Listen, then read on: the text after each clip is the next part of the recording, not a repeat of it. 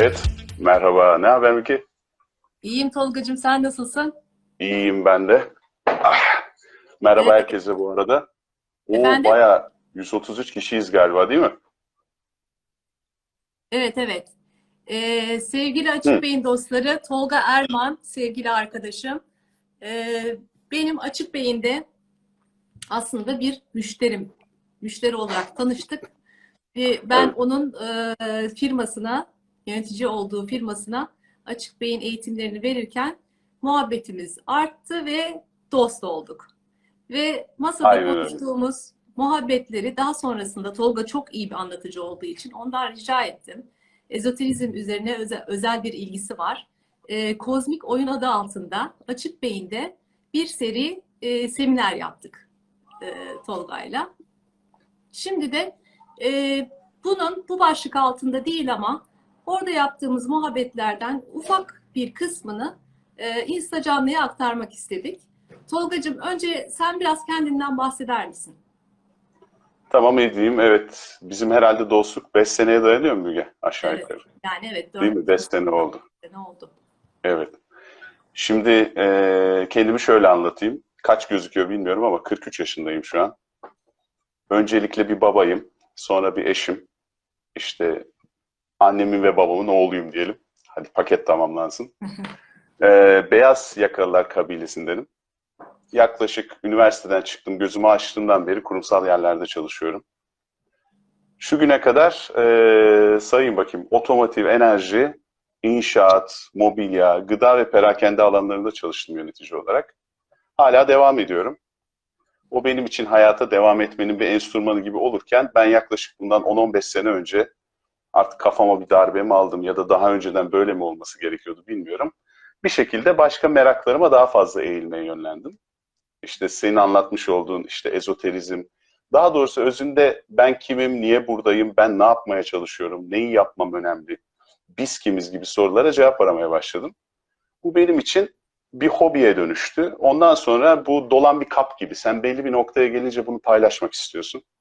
İşte seni buldum sana anlattım, onu buldum onu anlattım derken sağda solda hem senin sayende hem başka mecralarda bazı seminerlere, eğitimlere katıldım.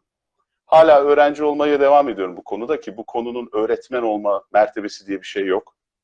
Bunda hep öğrenci kalırsanız ancak ilham olabiliyorsunuz. Hani bugün de paylaşmaktan zevk aldığım konuyu biraz daha basitleştirip, biraz paket haline getirip en azından biraz ilham olmak istiyorum. O arada da eğlenmek istiyorum açıkçası. Peki hedefim bu. başlığımıza e, hayat neden hayat bu kadar zor mu dedik? Gerçekten hayat Hı. zor mu? Birinci sorum bu. Hı. Bir de neden bunu konuşmak istedin Tolga? Şimdi şöyle söyleyeyim. Bu umut dolu bir soru çünkü. Birincisi o. Hayat bu kadar zor mu demek, hayat evet bu kadar zor demekten daha iyi. Dolayısıyla bu kadar zor mu diyen kişi aslında arka planda bu kadar zor olmaması gerektiğini düşünüyor. Bunu düşündüğü için o kişinin bence hala kalan hayatını kurtarma şansı var. Ben de buna dahilim. Çünkü bu soruyu da ben kendime çok fazla sordum. Bu sorunun ikinci özelliği bu soru Müge çok fazla soruyu barındırıyor içinde. Bu soruya cevap verebilmek için senin kendine yüzlerce farklı soru sorman gerekiyor. Ve üçüncüsü soruyu e, bu bir saatin belki bu 50 dakikanın sonunda şu hale getirmek için bu soruyu seçtim. Ben hayatımın bu kadar zor olmasını mı seçiyorum? Aslında orada kumandanın kimde olduğunu idrak edip bu zorluğun kaynağını bulup en azından bununla ilgili ufak bir kıvılcımla ayrılmak istiyorum. Onun için bu soru bence güzel bir başlangıç. Yani dairelerin en dış dairesi. Onun için bu soruyu seçtim. Peki kumanda kimde? Kumanda kimde? Peki. Şimdi ben masal anlatırdım çocukken. Çok fazla. Hatta babamla bazen sıra koyardık. Bir gün o anlatırdı, bir gün ben. Ama benimkiler tabii ki daha kurguydu böyle 6-7 yaşlarında. Ben masalla çok iyi anlaşıldığını, kendim de anlatırken çok zevk aldığımı düşünüyorum. Bunu biraz masallaştıralım istersen. Şimdi bana bir isim söyle. Genel kullanılan herhangi bir isim. Şimdi İyi. mutlaka bizi izleyenlerin mi? arasında var. Herhangi bir Ahmet. insan ismi mi? Ben de Ahmet diyecektim ha. İyi hadi bakalım. Şimdi Ahmet'in hikayesiyle başlayalım. Ahmet çok lüks bir makam aracının arka koltuğunda dünyaya geliyor. Ve aracın içinde sadece çok iyi giyimli bir makam şoförü ve kendisi var. Arka koltukta giderken ilk doğduğunda etrafa baktığında güneşi, ayı, yıldızları, toprağı, yolu, çimenleri, etrafta dolaşanları gördüğünde buna karşı sadece hayranlık ve zevk duyabiliyor. Daha konuşamıyor çünkü Ahmet. Ahmet çok küçük. Şoför onu sarıyor, sarmalıyor, mamasını veriyor, gece sıcak uyumasını sağlıyor. Yola devam ediyorlar. Ahmet'in aklına nereye gidiyoruz diye sormak bile gelmiyor. Aradan günler geçiyor, aylar geçiyor, yıllar geçiyor. Ahmet yavaş yavaş konuşmayı öğreniyor. Ve etrafa baktığında ben güneşe bakıyorum, bunu çok seviyorum ama neden seviyorum diyor. Biraz daha büyüyünce acaba sevmeli miyim? Bu benim için iyi bir şey mi demeye başlıyor. Bu arada araç yola devam ediyor. Nereye gittikleri, ne yaptıkları hakkında hiçbir fikri yok. Sonra bir bakıyor ki etrafta başka arabalar ve değişik yaşlı insanlar var içinde. Arabanın camını açıp yandaki arabalara eğilip ya nereye gidiyoruz? Biz acaba niye buradayız? Sizin bir fikriniz var mı derken herkesten farklı bir hikaye duyuyor. Bir tanesi diyor ki ben istediğim yere gidiyorum diyor. Diğeri valla şoför götürüyor diyor. Bir tanesi valla demin bir çukura girdik ama herhalde yanlış bir yere gidiyoruz ki çukura girdik diyor. Diğeri de yol bomboş dümdüz ama çok sıkıldım diyor. O arada Ahmet'in karşısına yolun kenarında hayal ettiği şeyler çıkıyor. Mesela 4 yaşında yolda giderken gördüğü çok istediği bir oyuncağı görüyor ve şoför orada durup o oyuncağı alıp ona veriyor. Çok oynamak istediği bir çocuğu yan arabada görüyor. Arabalardan inip onunla oyun oynuyorlar. Veyahut da çok gitmek istediği bir yere hayal ediyor ve şoförün oraya gittiğini fark ediyor. Sonra Ahmet biraz kirleniyor. Ahmet'in yaşı büyüdükçe. Ahmet artık sorularına cevap bulamadıkça arkada etrafa bakmayı bırakıp kendi kendine düşünmeye başlıyor. Bu arada da yıllar geçiyor tabii. Şoföre diyor ki, sen beni nereye götürüyorsun diyor. Evet sen beni büyüttün, sen bana baktın, sen bana hiçbir kötülük yapmadın. Peki nereye gidiyoruz diyor. Şoför de diyor ki, sen nereye istersen oraya. Diyor ki ben şu güne kadar senden hiçbir şey istemedim ama kilometrelerce yol gittik. Şoför de diyor ki, istemiş olabilirsin ve bunu fark etmemiş olabilir misin diyor. Ahmet şaşırıyor. Hayır benim ağzımdan öyle bir cümle çıkmadı diyor. Ağzından çıkmasına gerek yok. Ben diyor senin ne istediğini bilirim diyor. Peki diyor. Bundan sonra ben karar vereceğim o zaman nereye gitmek istediğimize diyor. Ve Ahmet aklını kullanarak yaşadığı tecrübelere, konuştuğu insanlara bakarak yavaş yavaş bir rota çizmeye başlıyor. Ve şoföre oraya doğru gitmesini söylüyor. Şoför o yola girdiğinde karşısına çıkan her güzellikte iyi ki bu yolu seçmişim diyor. Her zorlukta da keşke bu yolu seçmeseydim diyor. Ve hayatı yollar kötüleşene kadar yol değiştirmekle geçiyor. Ve hala kendine büyük soruyu sormuyor. Bu yola niye çıktık? Nereye gitmeye çalışıyoruz diye. Yani bizim halimiz aslında Ahmet'e benziyor.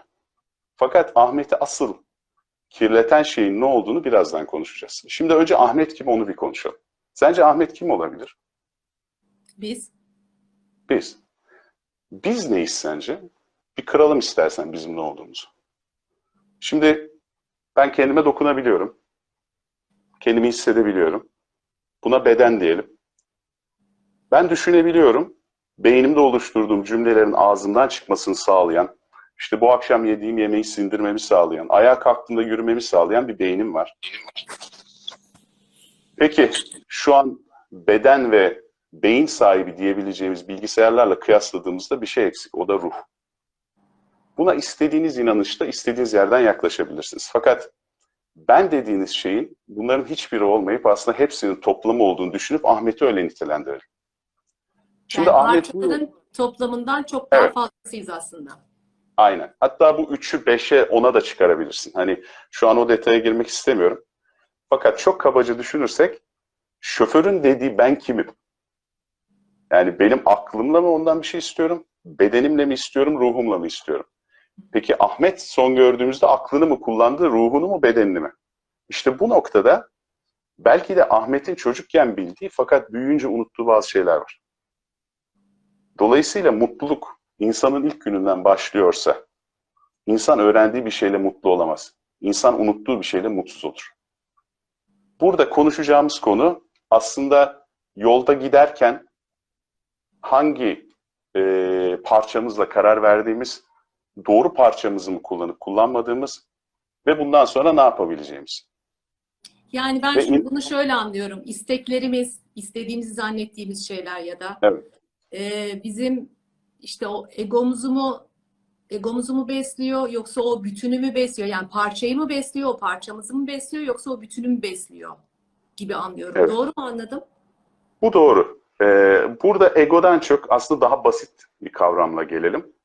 Ben hayatta mı kalmaya çalışıyorum, yaşamaya mı çalışıyorum? Yani şu an bizi dinleyen herkes kendine bunu sorsun. fark.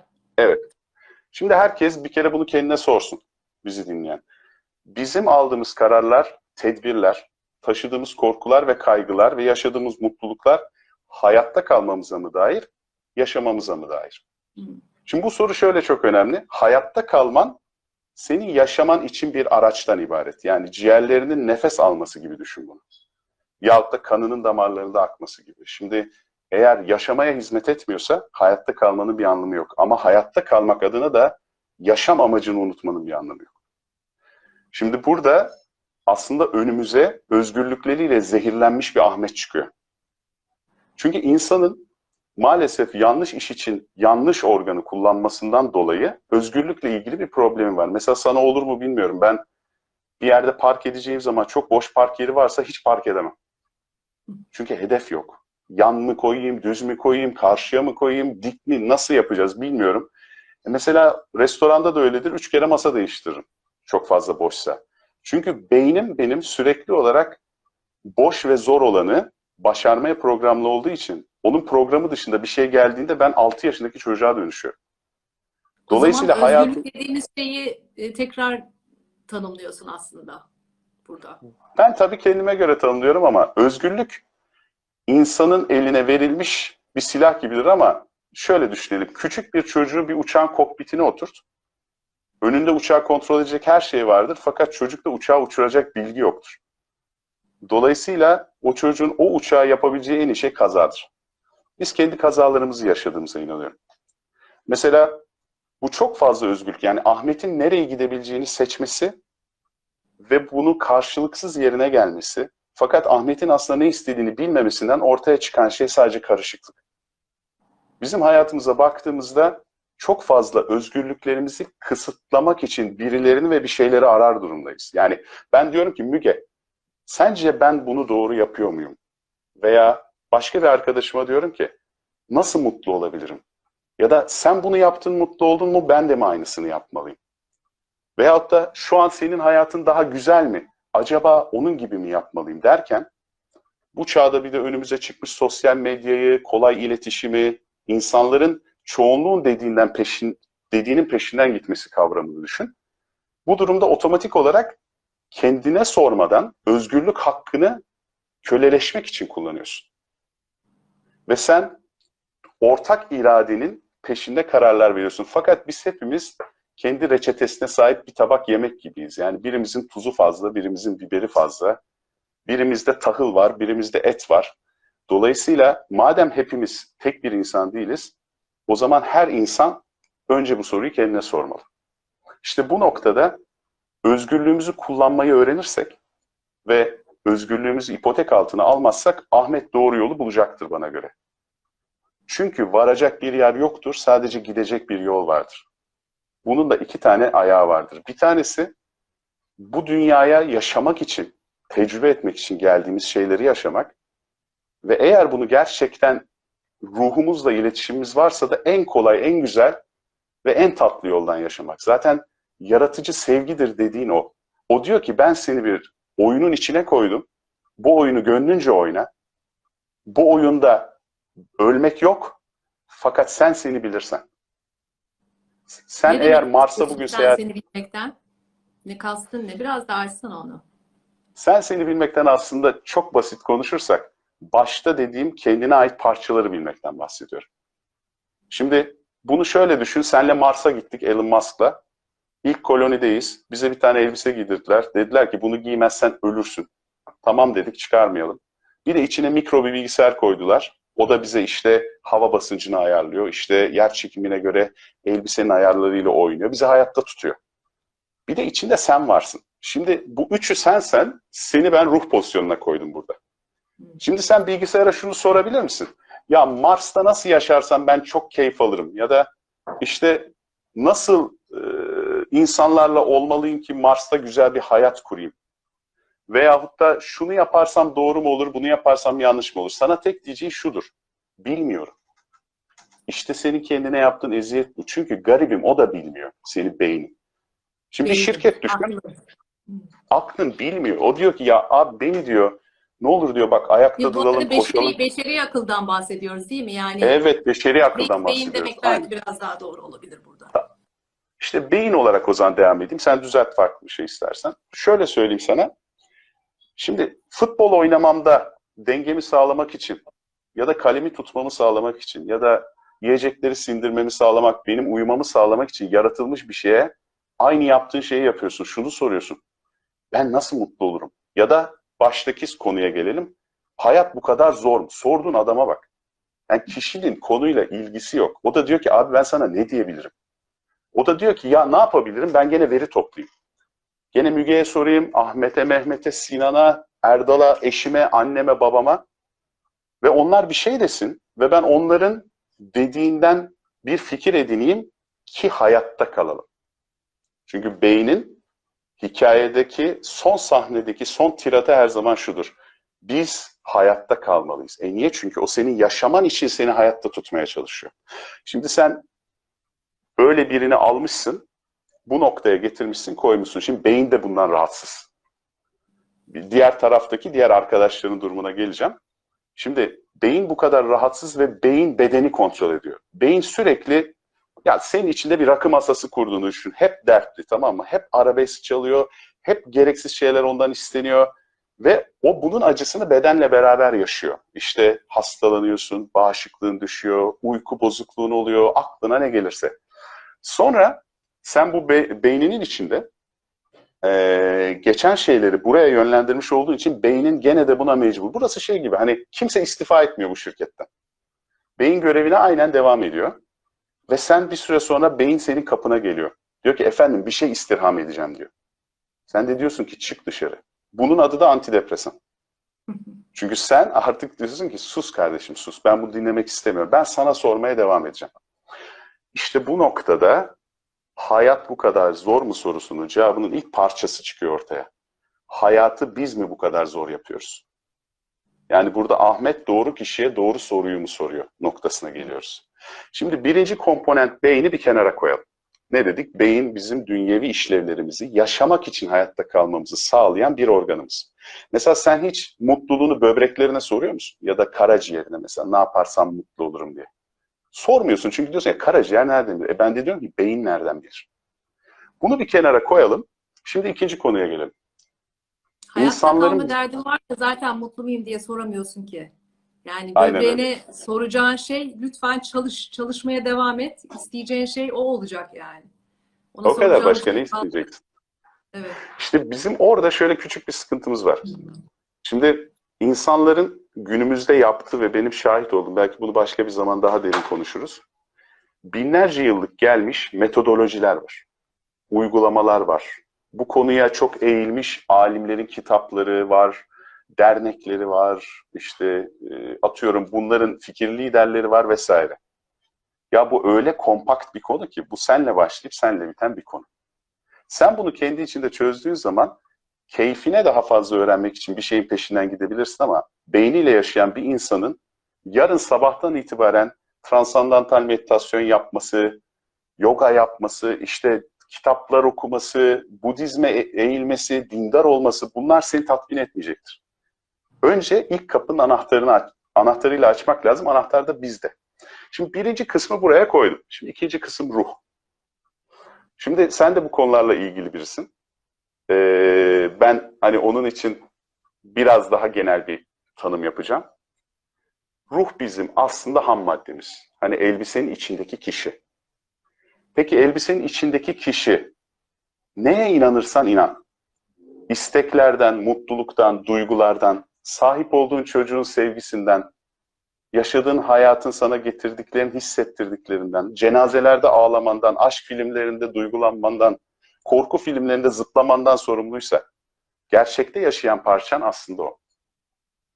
Ve şoför kim? Şimdi o soruyu sormak istiyorum. Sana göre şoför kim? Ruhumuz. Şoför kainatın kendisi. sana hizmet eden, seni istediğin yere götüren düzenin ta kendisi şoför. Benim benzetmemle. Ruh arkada oturan Ahmet'in içinde hala. Ama Ahmet ruhu kullanıyor mu? Şimdi ruhu bir ışık olarak düşün. Şimdi bütün evrenin yaratılışı itibariyle hani herkesin inancı farklıdır. Tamamının ışıktan yaratıldığını ve bir damlasının senin içinde yer aldığını düşün ki çoğu inanış zaten bu şekilde söylüyor. Kalan her şeyin de ona hizmet ettiğini düşün. Beynin ve bedenin dahil. Şimdi o senin neden burada olduğunu biliyor. Neler yaşamak üzere burada olduğunu biliyor. Ve neyle mutlu olacağını da çok iyi biliyor. Dolayısıyla onun dediğini dinlediğinde yolda karşına çıkacak her engelden sonra aslında hala doğru yolda gidiyor olabildiğine inanacaksındır. Bu aynı yağan bir yaz yağmurundan sonra tekrar güneşin açacağına iman etmek gibi. Mesela ben şu an betonarme bir binanın içindeyim. Ve bu bina çelik ve çimentodan yapılmış. Ben şu an gözümü senden ayırmadan binanın çökmeyeceğine iman etmiş durumdayım. Çimentoya o kadar iman edebiliyorum düşün. İnşaat mühendisleri odasına atıyorum burada çalışan kalfaya adamın o gün içmediğine burada doğru demir kullanıldığına iman ederek hayatımı yaşıyorum. Ama ben kendi içimden gelen sese iman etmiyorum. Aslında burada en büyük kötülüğü kendimize yapıyoruz. Şimdi Acaba duyabiliyor muyuz o sesi Tolga? Asıl soru bu bence. Yani o kendi içinden gelen ses devamlı konuşuyor da biz duyabiliyor muyuz? Duysak İşte- belki iman edeceğiz. şey vardır ya birinin duymak istemediğinde bir şarkı mırıldanırsın. Bizim yaptığımız o. Beyne diyorsun ki ver şarkıyı diyorsun. O sana mırıldanıyor. Şarkının da sözleri böyle işte atıyorum. Her şey olabilir. Elektrik faturası ne olacak? İşte atıyorum e, şu kızla ilişkim nasıl olacak? Yarın işler iyi gidecek mi? Dolar artacak mı? Korona ne olacak? Vesaire diye. Şimdi çok güzel bir noktaya değindin. Demek ki duymak için önce diğer sesleri kesmek gerekiyor. Şimdi o zaman bir şirket ortamı düşünelim tamam mı? Şirketin genel müdür seçimleri var. Üç tane de aday var. Bedenin, ruhun ve zihnin. Diyelim beynin diyelim daha doğru. Herkes beyninin CEO olmasını istiyor ya da genel müdür olmasını istiyor. Beyin diyor ki abi yapmayın ben o koltuğa layık değilim delirirsiniz çünkü ben paranoyam diyor. Benim işim diyor senin fiziksel bedeninle beraber seni burada yaşatmak. Hayır illa sen olacaksın çünkü defterleri çok iyi tutarsın diyorlar. E tutarsın defterleri de defterleri ne için tutuyoruz? Yaşamak için. Eğer sen o seçimlerde ruhunu seçersen ruh çekingendir. Seninle başta konuşmaz. Ama icraatları inan bana içerideki herkesi mutlu eder. Bu kent şekerlemesi reklamını hatırlar mısın? Eski hani şey vardı böyle işte yaşlı insanlar evde torunlarını bekliyorlar. İşte onlar işte gelsinler diye şekerler, pastalar, börekler. Aynen. Şimdi oradaki durum yaşanıyor. Seni börekleriyle, şekerleriyle kapıda bekliyorlar. Ve onlar için bayram hiçbir zaman bitmiyor ruhlar için. Ama sen hiç bir gün uğramıyorsun. Fakat o geldiğin ilk gün seni kapıda karşılamak üzere bekliyor. Yani bir çocuğun kadar sadık, yaşlı bir adam kadar da bilge. İşte o yüzden çoğu beynini dinleyen insan çocuğuna sahip olduğu zaman hayatında ilk kez o bilgiye en çok benzeyen şeyle tanışıyor. Ve inan bana aslına bakarsan tek çabamız Ahmet'in o ilk haline dönüp sadece ruhumuzun kontrolünde yaşamaktan ibaret. Şimdi ruhu biraz daha somutlaştırırsak ruh senin kalbinle tasvir edilen, kalbinin içinde yaşadığına inanılan küçük bir çocuk gibi düşün. Mesela kendi 4 yaşındaki halini bir oyun odasında tam kalbinin olduğu yerde sakladığını düşün. Gerçek mutluluk onun isteklerini tatmin etmektir. Ve onun bir de büyülü güçleri olduğunu düşün. Sana isteklerini getirecek şekilde. Şimdi sen beyninle münazaranı bitirip beynini yavaş yavaş yanlış yaptığına ikna edersen o küçük çocukla tekrar konuşmaya başlıyorsun. Ben bunun için uçak teorisini çok seviyorum. Seninle de konuşmuştuk daha önce. Şimdi hayatında yaşadığın tüm dertlerin mahallesinde bir dolaş.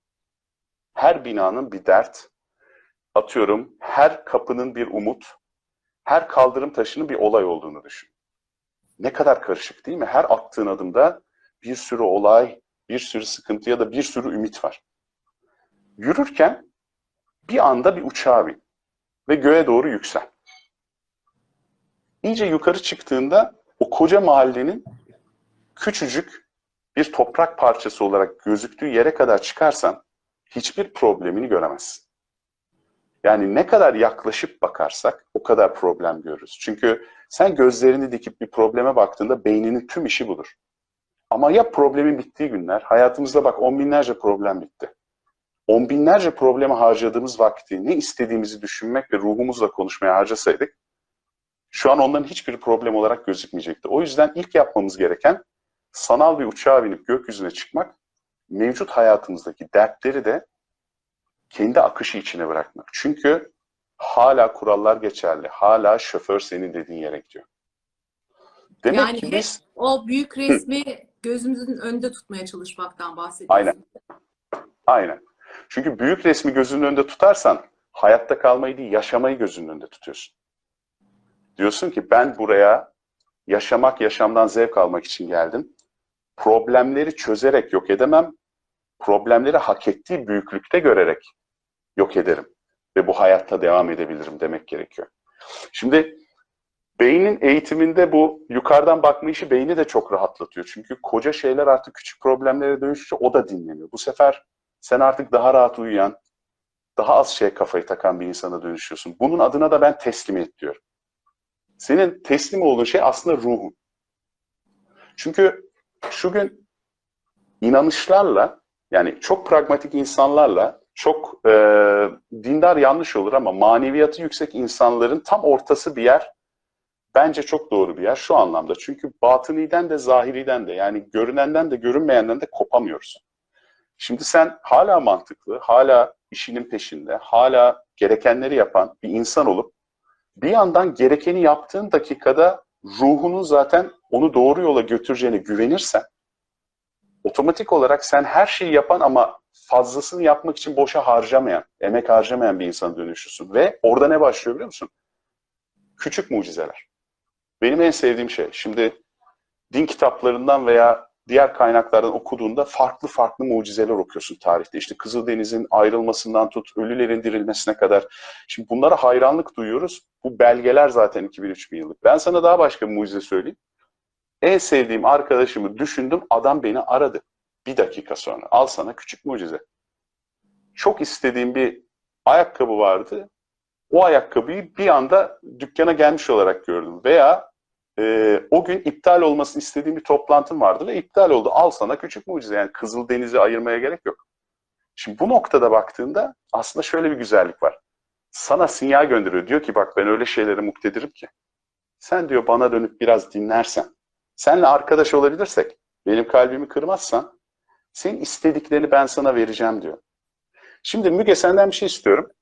Yani söylemen doğru mu bilmiyorum da şimdi bir tane cin çıktığını düşün. Ee, bir lambada. Ve sana bir dilek hakkı verdi.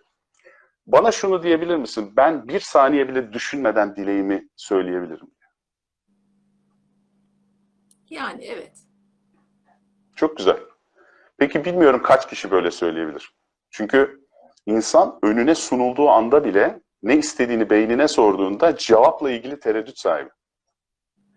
Fakat biraz ruhunla bağlantı kurduğun zaman sen otomatik olarak istemeye başlıyorsun.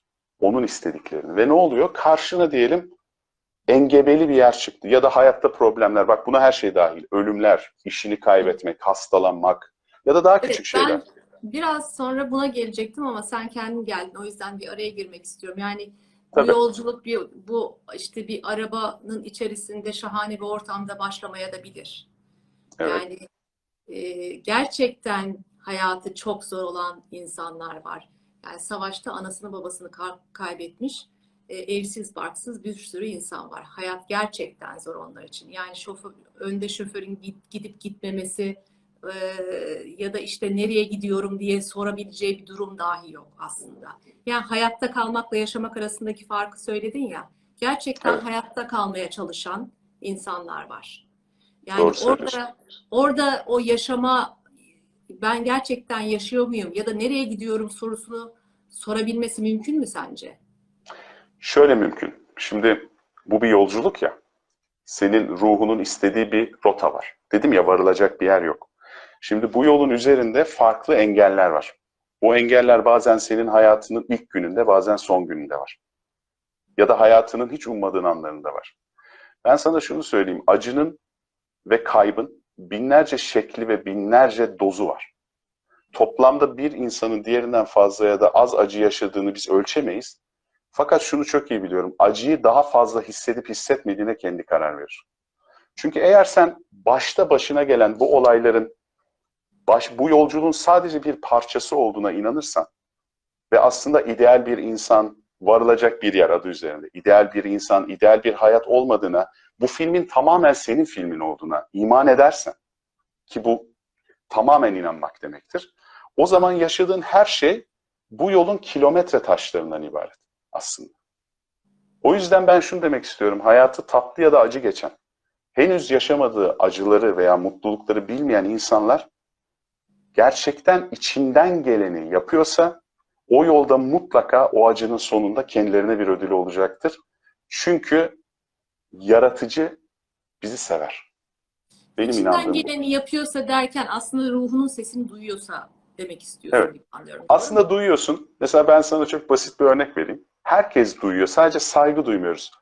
O böyle sana fısıldar. O şimdi küçük bir çocuk ya. Sen şimdi onunla görüşmek istemedin. O seninle oyun oynamak istedi. Oyuncak kamyonunu getirdi. Tamam istemedin. Baba dedi hadi zıplayalım falan. istemedin.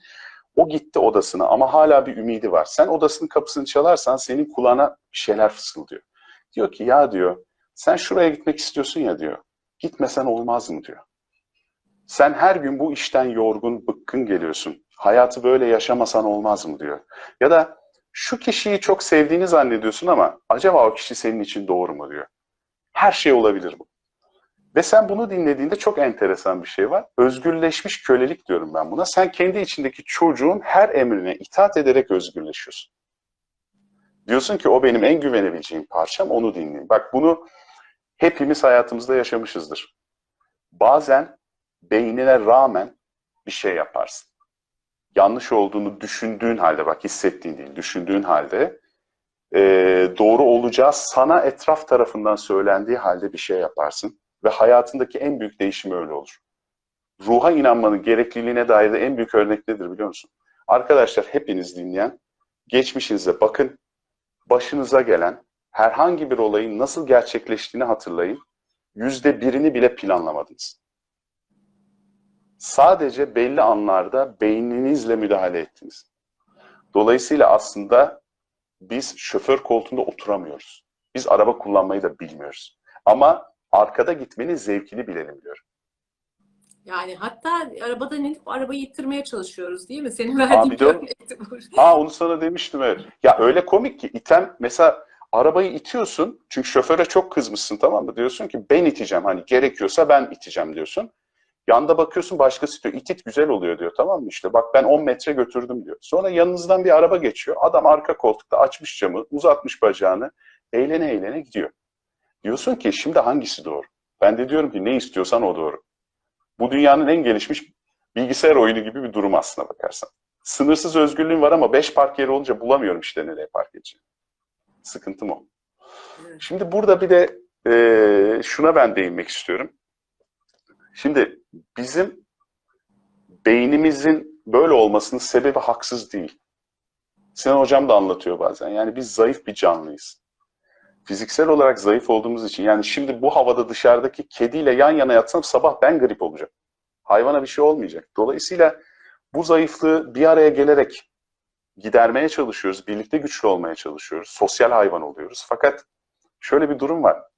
Sosyal hayvan olmak senin hayatta kalmana yardımcı oluyor sadece.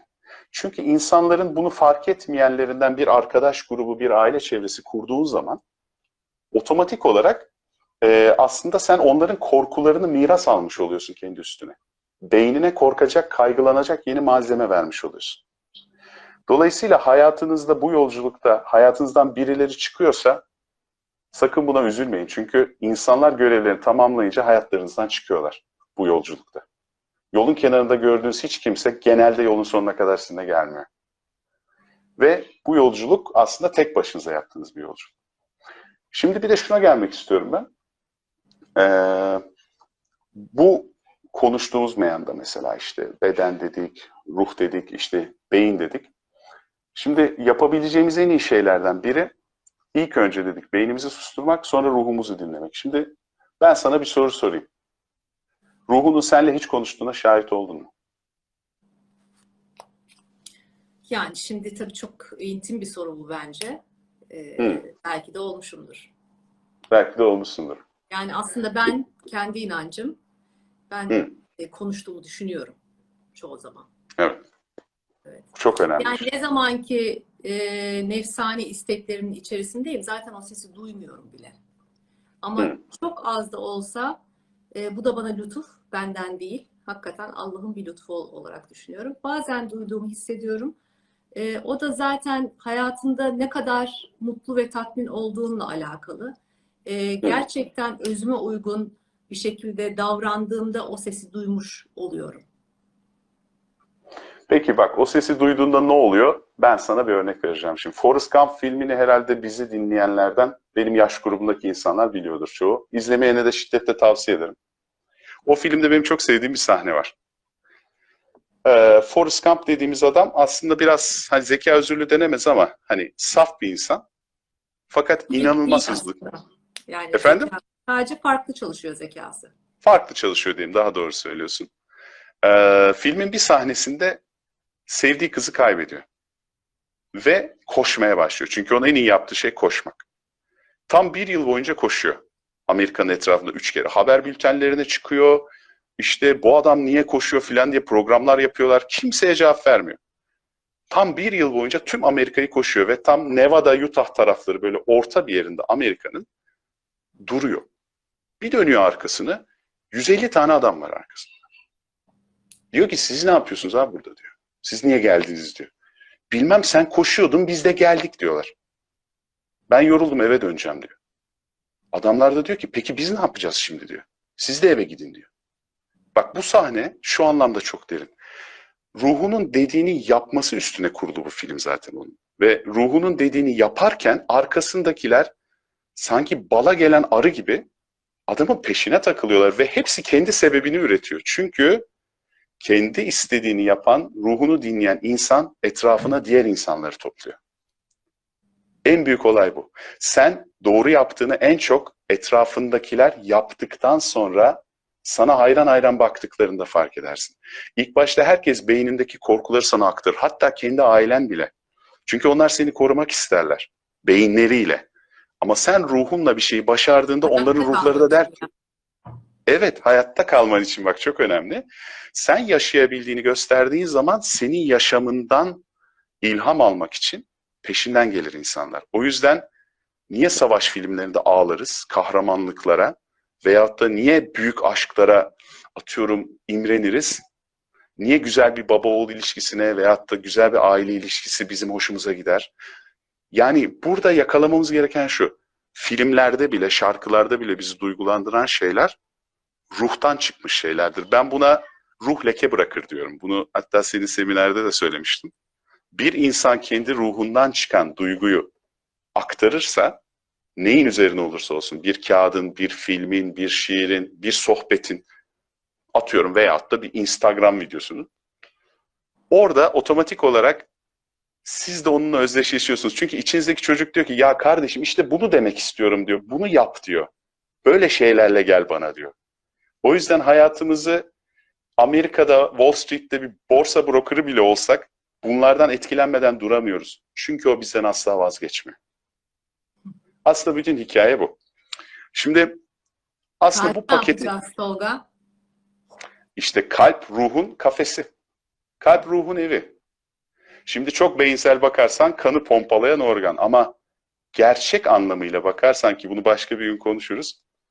Senin 4 yaşındaki halinin içinde durduğu bir oda. Ve o seni bekliyor orada. Yani buradaki herkesten ricam bunu denediyseniz de denemediyseniz de çünkü benden çok daha fazla denemiş insanlar olduğuna da inanıyorum burada. Ee, onun sesini dinleyin. Çünkü kullar eşit yaratılmıştır diye tabir edilen ve bir sürü din ve inanışta da farklı şekilde tarif edilen budur. Hiç kimsenin ruhu diğerinden zeki, hiç kimsenin ruhu diğerinden cahil, hiç kimsenin ruhu diğerinden kirli ya da temiz değildir. Onun saflığı bozulmadığı için sadece yüzünüzü kulağınızı ona çevir. Reçete olarak da önce beynin şu paranoyak halini susturmak. Yani uçağımıza binelim, beynimizin korkacağı sebepleri azaltalım Bir de onu sevelim. Ona diyelim ki şu an genel müdürlüğe ruh atandı. Ondan sana gelen bilgiye göre sen bize hizmetini ver ve inan beyin harika bir hizmetçidir. Ve bundan çok mutlu olur. Tek yapmamız gereken bu. Bunu yapmak için de herkesten ricam şu. Yarın sabahtan itibaren hiçbir kağıda, kaleme, tekniğe vesaireye gerek yok. İlk aklınıza gelen en ufak, en az risk barındıran, beyninizin size yapma ama içinizin size yap dediği şeyi yapın. Akşama kadar bunu mutlaka yapın. Sonra onun bir büyüğünü yapmaya cesaretin olur Müge. Bu çok önemli işte. Bunun başka hiçbir reçetesi yok. Beton gibi kitaplar okumaya da gerek yok. Çünkü hayatın kendisi bir kitap zaten. Sen kendi sayfana yaz bunları. Açıkçası hani daha geniş çerçeveye taşırmadan bu şekilde söyleyebilirim düşündüklerimi. Evet yani minik cesaret adımları aslında beyindeki o cesaret devresini güçlendiren adı- adımlar patikadan işte beş şeritli yola doğru gider. Ee, söylediğin Korkuyor. anlamda çok doğru. Evet. Ee, yapmadığın şeyden, bilmediğin şeyden korkuyorsun aslında. Evet. Yani e, ufak ufak hakikaten o sınırları aşabilmemiz mümkün. Peki Ve biz bu çağda artık çok özür dilerim lafını böldüm bir şey ekleyeceğim buraya. Biz artık kendi korkularımızı taşımıyoruz Müge. Biz tanıdığımız herkesin toplam korkularını taşıyoruz. O yüzden insanları sevmeye devam edelim. Ama korkular söz konusu olduğu zaman kendi korkularımızla yetinelim. Aksi takdirde korkuyu yöneten seni de yönetir. Bütün Doğru. hikaye bu. e, sorular çok yığıldı. E, az da vaktimiz kaldı. Tamam. Biraz sorulara bakmak istiyorum. Olur tabii. Nasıl istersen. Sen seç, ona göre cevaplayalım. Ee, zeka her şeyi sorgulamadan bildiğiniz, düşündüğünüz için değil, bildiğimiz san, bildiğimizi sandığımız her şeyi sorguladığımız için diyor Burhan Yüksel. Güzel. Ee, Çok derin bir laf. özgürlüğü bilen insanlar yetiştirebilmek için doğrularını sorgulayabilen insan yetiştirmek gerekir diyor gene Burhan. Ee, Evet. Emine de başka film tavsiyeniz var mıdır diye soruyor. Vallahi başka derken, ha Forrest Gump dışında mı? Evet. Şöyle söyleyeyim. Forrest Gump dışında hani konunun ilk baştaki kısmını anlamak adına Matrix'i bir daha seyretmekte fayda var. Bir de Truman Show'u. Truman Show gerçekten Evet. gerçekten Ama Truman Show'u gerçek 3 günlük erzak alıp seyretmek lazım. Sahne sahne. Şimdi çok yakında e, 24'ünde, ayın 24'ünde e, felsefe hocası olan arkadaşım Eren Beyer'le birlikte Truman Show'un okumasını yapacağız. Yeri gelmişken onu da Aa söyleyeyim. çok güzel. Evet, bir Katılmak isterim ben de. e, 24'ünde. Çok güzel. Evet, bir soru daha geldi. Hemen ona bakıyorum. Kabullenmek neden zor gelir? Çok güzel bir soru. Kabullenmek neden zor gelir? Ben kendi fikrimi tabii ki söyleyebilirim sadece ama iki sebepten. Bir tanesi insan yanlış yolda gittiğini çok yol gittikten sonra anladığında emeğini acır. Birinci sebebi bu.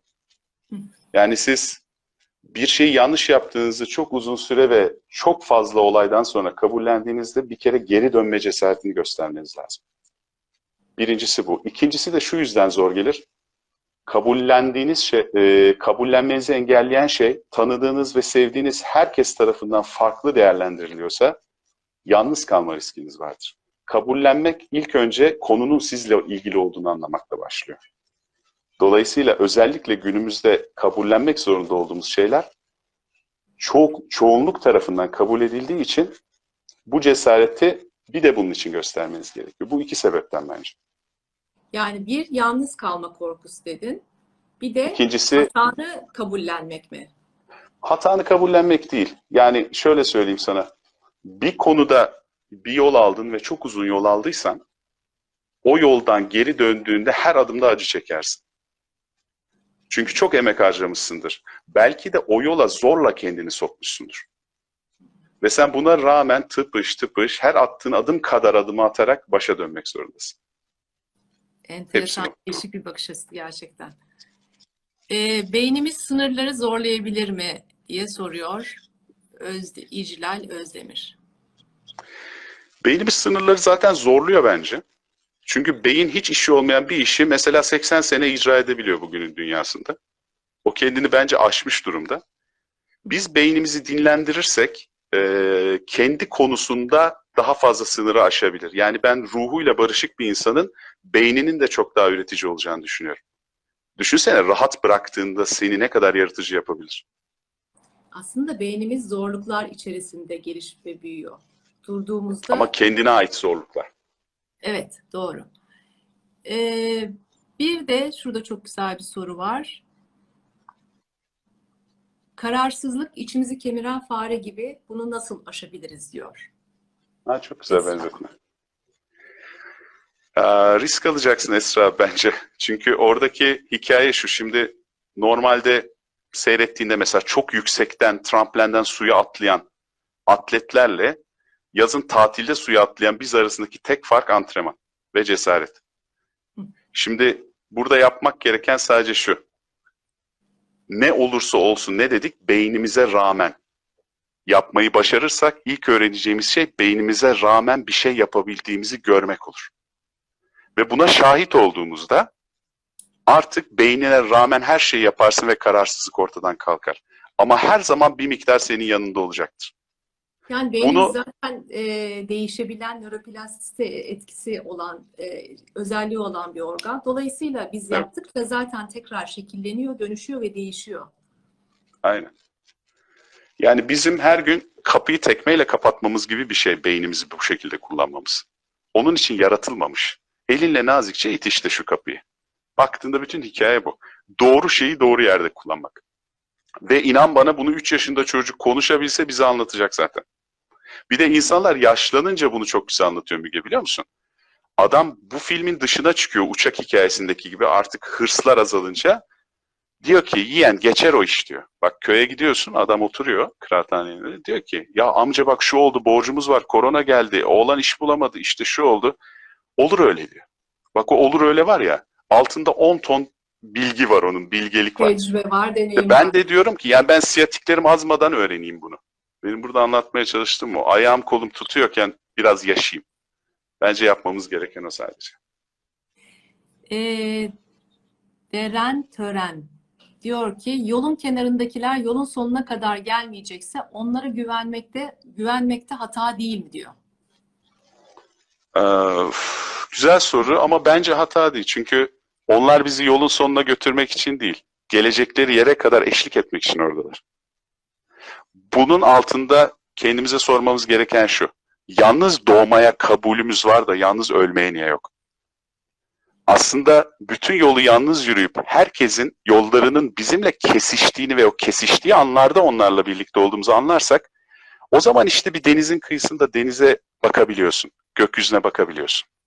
Yani O zaman kendinden de zevk oluyorsun bana eşlik ettiğin için. Belki köstek Evet. bile olsa yolun sonunda diyorsun ki ya o bana köstek oldu aslında beni bana yaptığı şey kısa yola it- itmekmiş. Mi? Değil. Bak sana Günün sonunda teşekkür bile edebiliyorsun. aynen. Mesela sana bir örnek vereyim. Hani derler ya unut ve kurtul. Hani nefret etme, affet. Aslında hikayenin özü şu. Eğer bir kişinin sana bir şey öğretmek için seninle yolunun kesiştiğini ve sana kısa vadede kötülük gibi gözüken bir şey yaptığını fakat bu öğrendiğin ders yüzünden ileride mutlu olduğunu görürsen ne yapacaksın? O kişiye yumruk mu atacaksın, boynuna mı sarılacaksın? İşte en büyük ikilem o. Dolayısıyla başına gelen kötü şeyleri o insanların bilgisizliği ve ileride senin işine yarayacak bir ders olarak göremediğin her noktada beynin seninle zaten. Yani Çünkü- belki de en başından işte e, bu yolculukta yanında olan olmayan, başına gelen her şeyin aslında bu yolda sana, senin faydana çalıştığını kabul her Evet. şeye bakış açını değiştirecek. Yani illa günün sonunda Aa, bu bana faydalıymış demeni e, demen çok zor. Yani günün sonunda demen için beklemek çok zor daha doğrusu. O Evet, sırada belki küfür kıyamet canın yanacak. Ee, ama belki de sadece ya evet şimdi buna kızıyorum ama bunun bana bir faydası var olacak. Mutlaka da var. İşte bu inanç o yolu belki de kolaylaştıracak ve o öfkeyi azaltacak bir şey olabilir. Kabul bak burada senin çok önemli diye düşünüyorum ben. Aynen katılıyorum. Çünkü inan senin hayatında senden tek ispat isteyen organın beynin. Sen eğer e, bir şeyin senin için iyi olacağına inanıyorsan bunu beyninle inanmayacaksın. Çünkü o der ki bana ispatını getir. Pragmatik olarak bana anlat. Bu bizim için iyi olacak. Ama hiçbir zaman elinde yeterli veri olmuyor. İşte bu noktada teslim olman gerekiyor. Evet bu iyi olacaktır. Evet. Enformatif bir bir, de bak- şey değil yani o. Aynen değil. Ya bir de orada şu zevki var. Farz et benim elimde e, mesela ben inanılmaz e, ne bileyim güzel manzaralı bir yerde harika bir kahvaltı ediyorum ve bir anda bir şeylerin benim için kötü olduğuna dair e, bir bilgi geldi ya da birinin bana bir kötülük yaptığını düşünüyorum. E gitti güzelim kahvaltı. E deniz de gitti, manzara gitti. E karşımdakiyle sohbet de gitti. E hayat zaten süresi itibariyle hayatta kaldığın, yaşaman itibariyle mutlu olduğun anların toplamıdır. E sen şimdi bu anı niye söktün ki hayatından? Evet, Belki gidip orada geri çok güzel- dönmeyecek hiçbir zaman. Evet geri dönmeyecek. Yani burada evliyalıktan bahsetmiyorum. Bak bu aynı hamlaştıktan sonra halı saha maçı yapmaya benzer bu iş tamam mı? Ufak ufak ufak ufak her yerin ağrıya ağrıya maça çıkacaksın. Yavaş yavaş daha fazla yapabilirsin. Ben kendim de daha bu yolun hiçbir yerinde değilim. Ama diyorum ki bu yol güzel. Bir adım atın, beş adım atın, on adım atın. Sonu bin adım sonra bile olsa bir adım daha yakın olmuş oluruz. Evet, sorular hızla geliyor. Yani hayata karşı değil, aslında beynimize karşı mı savaşıyoruz diyor. Ee, Aa, güzel soru. Biz aslında hiçbir şeye karşı savaşmıyoruz. Biz savaştığını sanan beynimizi sakinleştirip kucaklayıp sevmeye çalışıyoruz. Onu sakinleştirmeye çalışıyoruz. hmm. Savaştığını Rasyonelize zanneden o. her şeyi değil mi? Evet, aynen öyle. Aynen öyle. Ya şunu nasıl açıklarsın ya? 3 yaşında bir çocuk sana güldüğünde ya da yolda bir aç gördüğünde veya bir şiire ağladığında veya o gün hızlı araba kullanmak istediğinde bunu açıklayabilir misin? Açıklayamazsın. Sadece tahminlerin olabilir. İşte sana öyle hissettiren, birine aşık olduğunda dizlerinin bağını çözen şeyden bahsediyorum. Onunla kol kola yaşa. Çünkü hiçbir para ya da para için harcanan hiçbir emeğin karşılığında sen hayatında yaşadığın ilk aşkın zevkini alamazsın. Ben de diyorum ki sana her gün aşk vaat eden ve farklı konularda aşk vaat eden biriyle yaşıyorsun içinde. Evet. evet. Daha sana Tanrı yaratan nasıl bir hediye verebilir ki? Aynen öyle. Çok güzel. Aynen öyle bence de. Ee, insanların çok basit, insanların çok basit gelmesi hmm, bilinçaltı mı yoksa kişiliğinle mi, kişiliğinle mi alakalı yalnızlığa sürüklüyor demiş. Arkadaşımız ismini anlayamadım. Ee, mutsuzluk kronikleşebilen bir duygu mu? Ee, bir Ee, söyleyeceğim. Tolga aklında kalsın. Çok az Tamam, vaktimiz okey. kaldı. Tamam.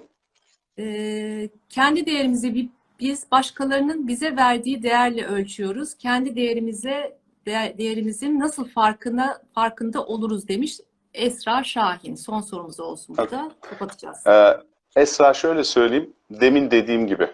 Sen mutluluğu beyninde ararsan beyninin sorabileceği tek kişi diğer insanlar mutluluğun tanımı için. Mutluluğun tanımı senin içinde var. Baktığın yeri değiştirdiğin zaman kimseye ihtiyacın olmadığında Forrest Gump gibi seni takip edenler bulacaksın hayatında. Senin sorduğun insanlar değil. Ve mutluluğun inanın bana hiçbir tarifi yok. Tarife de ihtiyacı yok. Tek anlamamız gereken her birimiz kadar mutluluk, her birimiz kadar senaryo oldu. Ve kendi senaryomuza sahip çıkmak. Hepsi bu. Evet, bir de değerinizle alakalı bir şey sormuştu. Hı. Onu bir daha alabilir miyim o kısmını? Tekrar söyleyeyim. Ee, insanların bir saniye çok yığılmış. Bu arada acayip soru var. Ee, insanların kalpten konuştuğunu nasıl anlarız diyor. Pelin Ayan. Başka bir soruya geçtim. Hı. Merhaba Pelin. O zaman e, ona şöyle cevap vereyim. Kalpten konuştuğunu anlamazsınız ama kalpten konuşmadığını anlarsınız. O sizinle konuşurken bunu anlarsınız ve o an fark edersiniz. Çünkü kalbinizin de kulakları var. O da o an o kişiyi dinler. O, o yüzden ilk izlenimler genelde doğrudur lafı da buradan geliyor. Çünkü arkasından beyin ruhun dediklerini inkar etmeye başlar. Evet aslında duyuyoruz o sesi. Her zaman duyuyoruz da dediğim Aynen öyle. aslında e, o öğre, öğrendiklerimiz, tecrübelerimiz başka bir şey söylüyor bize ve onu o bizim konfor alanımız çünkü. Hemen oraya yaslanıyoruz. Güvenli alanımız, bildiğimiz alan. E, teslim olmak her Hı. şeyden vazgeçmek midir diyor bir arkadaşımız da. Teslim olmak seni senden fazla düşünen bir parçan olduğuna inanmaktır. Vazgeçmek değildir. O zaten seni vazgeçtiğin şeyleri hayatındaki mutsuzlukları engellemek için seni vazgeçirtir. Dolayısıyla başına onu takip ettiğinde gelen her olay daha sonra öğreneceğin bir şey için ön basamaktır. Yani yolda araba bir iki kere zıpladı diye yanlış yere gittiğimizi düşünmememiz lazım. Her şeyden de vazgeçmek zorunda değiliz. O bize bunun ödülünü verir zaten. Evet. Peki Tolgacığım çok az vaktimiz kaldı. Son olarak Hı. neler söylemek istiyorsun? Genel olarak toparlarsak bu yolculukta özgürlüklerimizden bahsettik. Ee, İbn Arabi'nin bir tanımı var. Özgürlük ihtiyatsızlıktır diyor. İhtiyatsızlık da ne demek? İsteklerini bir kenara koyman demek. Bu istekler ama nefsinin isteklerinden bahsediyor. Ruhun zaten istemiyor. Ruhun zaten devamlı bir akışta. Var olan şeye rıza hali ihtiyatsızlık demek aslında. Senin de Aynen bütün bu program boyunca anlattığın şeyi ben böyle duydum. Ben de böyle anlattım dediğin gibi. Müge. E, son olarak da şunu söyleyeceğim. Hayat o kadar zor mu? Hayat isterseniz daha zor, istemezseniz daha kolay. Bunun kararını siz vereceksiniz. Benim son diyeceğim o. Nasıl baktığımız Yarın- yani. Aynen ve yarından itibaren en küçük riskinizi alarak başlayın. Denemek isterseniz de. Peki. Teşekkür ediyorum herkese. Ben Sana da teşekkür özellikle. ediyorum Tolgacığım. Ee, ağzına sağlık. Seninle muhabbet her zamanki gibi çok zevkli. Bu arada Aynı tekrar yapın, tekrar yapın diye e, mesajlar gelmiş. Belki devamını Teşekkür ederim. yaparız. Vaktimiz, senin Olur. özellikle vaktin olursa çok yoğun olduğunu biliyorum. Zor yakaladım seni. Ee, Olsun. inşallah tekrar için her zaman vakit buluruz. Çok teşekkürler. Herkese teşekkür ediyorum. İyi akşamlar. Hoşçakalın. Teşekkür ediyoruz arkadaşlar. Görüşmek üzere. Hoşçakalın.